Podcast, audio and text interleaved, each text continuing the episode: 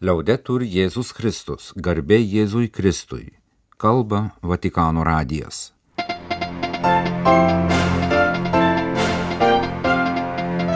Malonūs klausytojai šioje programoje popiežiaus apmąstymas sekmadienio vidudienį.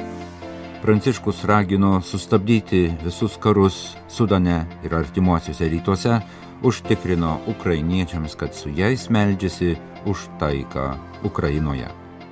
Šventojo Jozapato kankinystės 400 metų jubilėjaus iškilmės Vatikane arkivyskupo Gintaro Grušo homilija. Savaitė Lietuvoje spaudos apžvalga.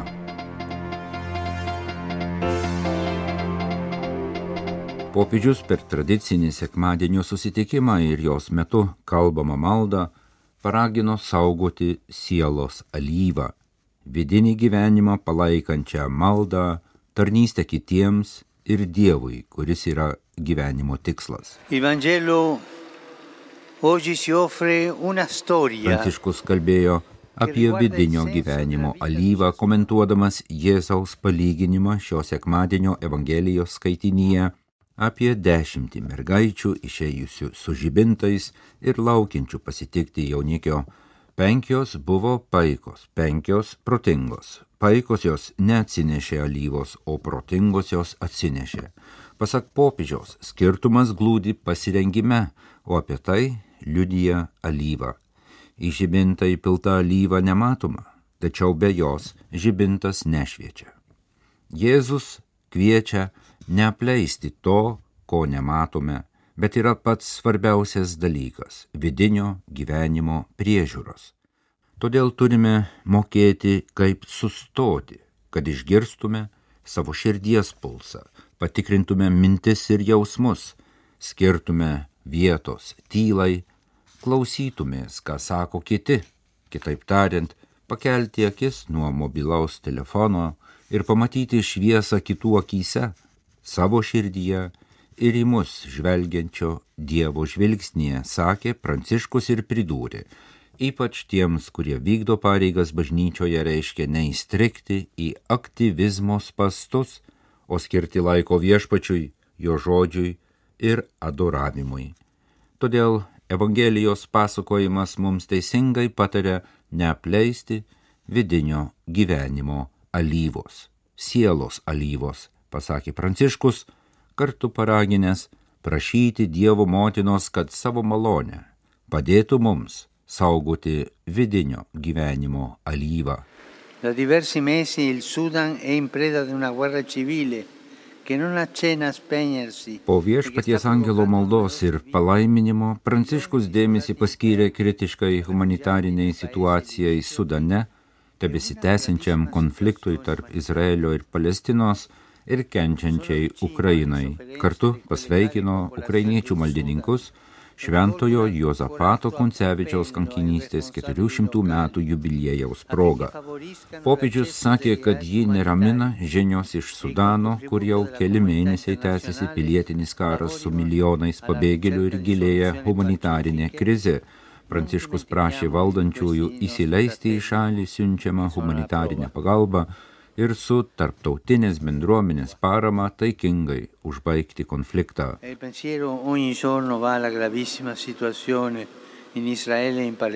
Paminėjęs rimtą padėtį Izraelyje ir Palestinoje, popiežius prašė sustabdyti ginklus, nes jie niekuomet net neš taikos ir reiškia vilti, kad karas neišsiplės. Basta, basta, fratelli, basta. Gana, broliai, gana. Gazoje reikia gelbėti gyventojus, suteikti humanitarinę paramą, paleisti visus įkaitus, tarp kurių yra senolių ir vaikų, ir sustabdyti ginklų garsą. Nepraraskime vilties, melskimės ir dirbkime, kad žmoniškumas įveiktų sukėtėjusias širdis, pasakė Romos vyskupas. Popiežius Pranciškus taip pat prisiminė Ukrainos kančias ir vyskupo Jozapato Kuncevičiaus kankinystės jubiliejų. Šią progą pasveikino jubiliejaus renginiuose dalyvaujančius ukrainiečius bei Šventojo Jozapato bazilijonų ordiną. Popiežius sakė, kad meldžiasi su ukrainiečiais už taiką kentinčioje jų tėvynėje. Neužmirškime Ukrainos, kartojo popiežius. Baigėsi Šventojo Jozapato Kuncevičiaus kankinystės jubiliejus. Pagrindiniai renginiai Romoje - mišparai, Šventojo Juozapato liturginės šventės išvakarėse ir liturginės šventės liturgija sekmadienį lapkričio 12 dieną Šventojo Petro bazilikoje vyko prie joje palaidotų Šventojo vyskupo ir kankinio žemiškųjų palaikų. Šeštadienio lapkričio 11 pavakarę Šventojo Juozapato Kuncevičiaus bazilijonų ordino vyresnysis, proto archimandritas tėvas Robertas Liseika, Vatikano bazilikoje vadovavo didiesiems mišparams, kuriais pradėti šventojo Jozapato kankinystės 400 metų jubiliejaus uždarimo renginiai. Mišparuose dalyvavo Sviatoslavas Ševčiukas, Ukrainos graikų katalikų bažnyčios vyriausias ganytojas, Gintaras Grušas, Vilniaus arkivyskupas, dvasininkai ir pasauliečiai iš įvairių kraštų, įskaitant Italijos ukrainiečių ir lietuvių bendruomenių atstovus. Sekmadienio lapkričio 12-osios Šventojo Juozapato Kuncevičiaus liturginės šventės popietę po popiežiaus Pranciškaus vadovautos vidudienio maldos didysis arkivyskupas Svetoslavas Ševčiukas vadovavo Šventojo Jozapato liturgijai Šventojo Petro bazilikoje. Liturgiją koncelebravo Ukrainos ir Lietuvos katalikų vyskupai, įskaitant arkivyskupą Visvaldą Kulboką, apaštališkai nuncijų Kyivę. Liturgijoje dalyvavo Lietuvos Seimo pirmininkė Viktorija Čmilytė Nilsen ir įvairių kraštų ambasadoriai prie šventojo sosto. Arkivyskupas Gintaras Grošas Lietuvos vyskupų konferencijos ir Europos vyskupų konferencijų tarybos pirmininkas liturgijos homilijoje kvietė atverti širdis dieviškosios malonės žypsniui, nuo kurio Juozapato Kuncevičiaus širdyje įsiplieskė dieviškosios meilės ugnis. Pamokslininkas prisiminė, kad pats Juozapatas yra pasakojęs apie tai, kaip jo širdis užsidegė dieviškosios meilės liepsna. Jis dar vaikas su mama lankėsi cerkvėje, kur pamatė daug gražių ikonų ir tarp jų nukryžiuoto vyro paveikslą. Jis paklausė jos, kas tai, nes nežinojo nieko apie Jėzaus kryžiaus auką. Mama paaiškino, kad tai Jėzus, Dievo sūnus, tapęs žmogumi dėl mūsų nuodėmių ir kentėjęs, kaip nėra kentėjęs joks kitas žmogus.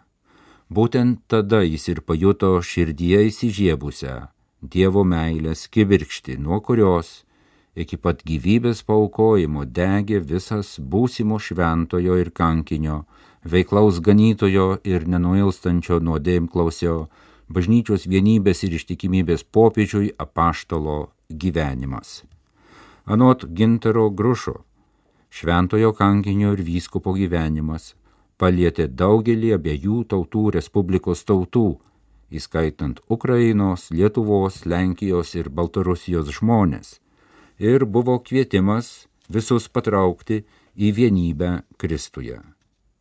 Juozapato vyskupystės šūkis buvo Jėzaus testamentas iš Šventojo Jono Evangelijos, kad visi būtų viena.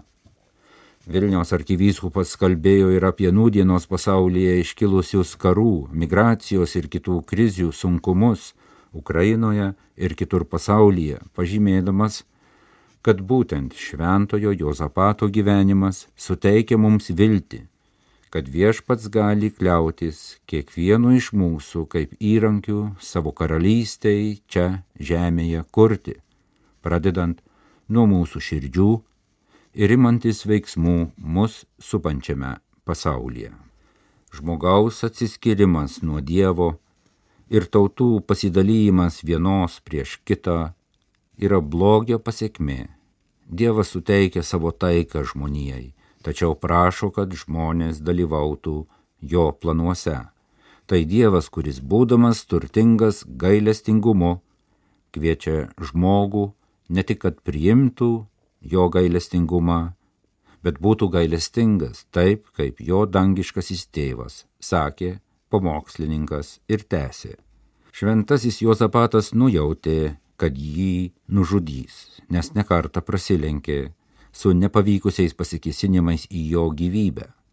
Jis kartą pasakė, jog žino, kad jį norima nužudyti, bet ir kad bažnyčios tėvai buvo nužudyti dėl tiesos. Jis troško susivienyti su Kristaus kančia, o mirtis jam buvo galimybė galutinai susivienyti su Kristumi, pažymėjo arkivyskupas. Mes atėjome pas šventąjį Juozapatą kaip pas užtarėją, mokytoją ir gyvenimo pavyzdį. Tad melskime Dievą, kad ir mūsų širdyse įsižiebtų ta pati šventojo širdį uždegusi dieviškoji kibirkštis, kuri taip liepsnotų meilę priešams, kad siektume jų atsivertimo ir galėtume juos galutinai atvesti į Dievo meilę, kad visi būtų viena. Paragino arkivyskupas Gintaras Grušas sekmadienį, kreipdamasis į Šventojo Juozapato liturgijos Vatikano bazilikoje dalyvius. Lapkričio 7 dieną Kauno arkivyskupas emeritas kardinolas Sigitas Tamkevičius minėjo savo 85-ąjį gimtadienį. Šiai progai skirtus renginius, jubiliato susitikimus su jo pasveikinti atvykusiais Lietuvos viskupais, Kauno arkiviskupijos dvasininkais seserimis vienuolėmis, įvairių organizacijų atstovais, artimiausiais bendradarbiais ir bičiuliais išsamei pristatė Kauno arkiviskupijos informacinė tarnyba.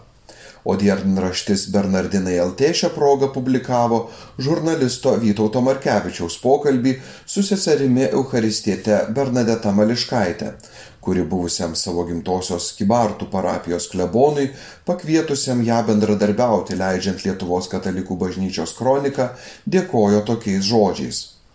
Labiausiai norėčiau padėkoti už tikėjimą, kurį jisai liudijo. Tas liudijimas buvo toks ryškus ir matomas, kad sakyčiau, jisai buvo tikėjimo skelbimas. Žodžiu, moralais tikrai jisai mūsų nevargino, Kibartuose pamokslai būdavo trumpi, 10-13 minučių sekmadieniais ir 2-3 sakinių šiokiadieniais. Ir tų kelių gilių minčių žmonėms pakakdavo visai savaitėjai. Klebono namai visada buvo atviri, svetingi ir svarbiausia, kad bažnyčia mums beveik visiems buvo tiesiog namai. Apie bažnyčią ir bažnyčioje vyko mūsų ne tik sekmadienio, bet ir kasdienis gyvenimas. Žinoma, jis buvo ne visada rožėmis klotas, nes parapijoje buvo trys areštai, daugybė tardymų kratų, čia visko neišpasakosi, tačiau per tai mes brendom, galėjom irgi savotiškai liudyti, pasitikrinti, kas esame. Nedaug žodžiaudama, aš savo ir visų kibartiečių vardu galiu ir noriu pasakyti. Ačiū, labai ačiū, eminencija, mums labai pasisekė, kad turėjome jūs kalbėjo sesuo Bernadeta Mališkaitė. Dienos šviesą išvydo naujas žurnalo Jėzuitai numeris, kurio tema Vilties ženklai dabarčiai. Internetinėme Jėzaus draugijos puslapyje Jėzuitai LT žurnalą pristato jo redaktorė Juratė Grabytė.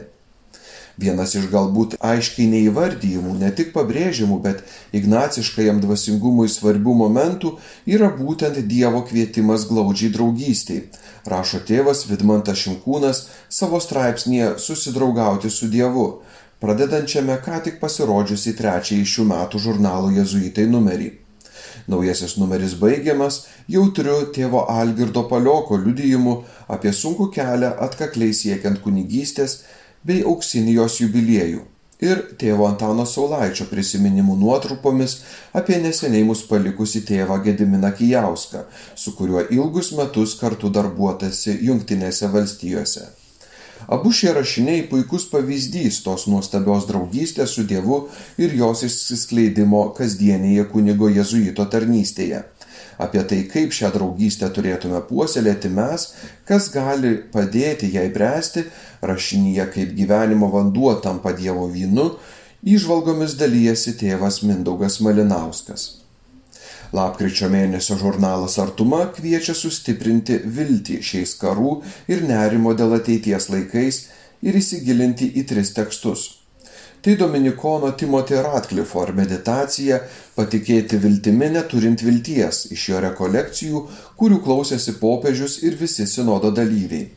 Antrasis tekstas - tai popiežiaus pranciškaus atsakymas abejojantiems kardinolams į jų klausimus apie apreiškimo aiškinimą, apie tos pačios lyties asmenų laiminimą, apie sinodišką bažnyčios prigimtį, apie šventimų sakramento galimybę moterims ir apie atleidimą kaip žmogaus teisę. Popiežiaus atsakymai į kiekvieną klausimą padeda nesusiaurinti situacijų, o ieškant tiesos nepamesti iš akių nei žmogaus, nei Dievo, nei tiesos, nei meilės.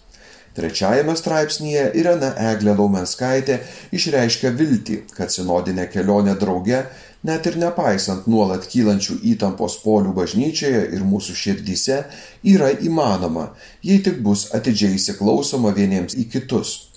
Svarbiausia pasak autoriams, kad Kristaus mokymo nepakeistume mokymu apie Kristų. Šiame žurnalo numeryje išsiskiria ir Juratės Kuodytės straipsnis apie kunigą Česlovą Kavaliauską. Čia pabrėžiama, kad kunigas Česlovas ragino netaisyti ir netobulinti Evangelijos savo žmogiškos išminties nesąmonėmis. Turėjo receptų ir dėl Jėzaus ir daugumos krikščionių trokštamos krikščionių vienybės apgailestaudamas, kad bažnyčia šiandien atrodo kaip vieno ar kito krašto tautinė ar regioninė religija, tik jau ne visuotinė. Vienybės nesukursi nei ant mandagumo, diplomatijos, diktavimo, nei ant melo. Tik meilė, ryštingumas tarnauti tiesai ir drąsa gali mus suvienyti. Rašoma Juratės Kuodytės straipsnėje skirtame Česlovo Kavaliausko šimtmečiui. Lapkričio 10 dieną dienraštyje Bernardinai LT pasirodė Eglės Malonytės parengtas išsamus pokalbis su Santoros klinikų kapelionu kunigu Gabrieliumi Satkausku. Čia jis atvirai pasidalijo mintimis ne tik apie tarnystę ligonėms, lydinčią akistatą su mirtimi, bet ir apie bažnyčios aktualijas pasaulyje, visų šventųjų iškilmės prasme, vėlinių tradicijos grožį ir apie tai, kaip pats išgyvena tikėjimo dovaną. Pokalbio pabaigoje kunigas Gabrielius Atkauskas šios didžiausios dovanos palinkėjo ir skaitytojams. Linkiu nebijoti ir tokiems, kokie esam, liudyti tikėjimą taip, kaip mokam. Svarbiausia tai daryti neįkyriai, nuoširdžiai ir nebijoti, nes Dievas panaudos mūsų silpnybės, klaidas ir net mūsų nuodėmės. Panaudos Evangelijos skelbimui. Nereikia gazdintis dėl visuomenės ar bažnyčios krizės. Žinoma, tie dalykai yra svarbus, daug ką parodo, bet pirmiausia žiūrėkime į save, koks esu Dievo akivaizdoje, nesmerkiant ir neteisiant. Tikėjimas išlaisvina, gydo, augina, skatina mylėti, ištverti sunkumus, duoda gyvenimui skonį ir yra labai stipri šviesa, kurios mums labai reikia. Linkėjo dienraščio Bernardinai LT skaitytojams kunigas Gabrielius Atkauskas. Vatikano radijui Gedrius Tamaševičius iš Vilniaus.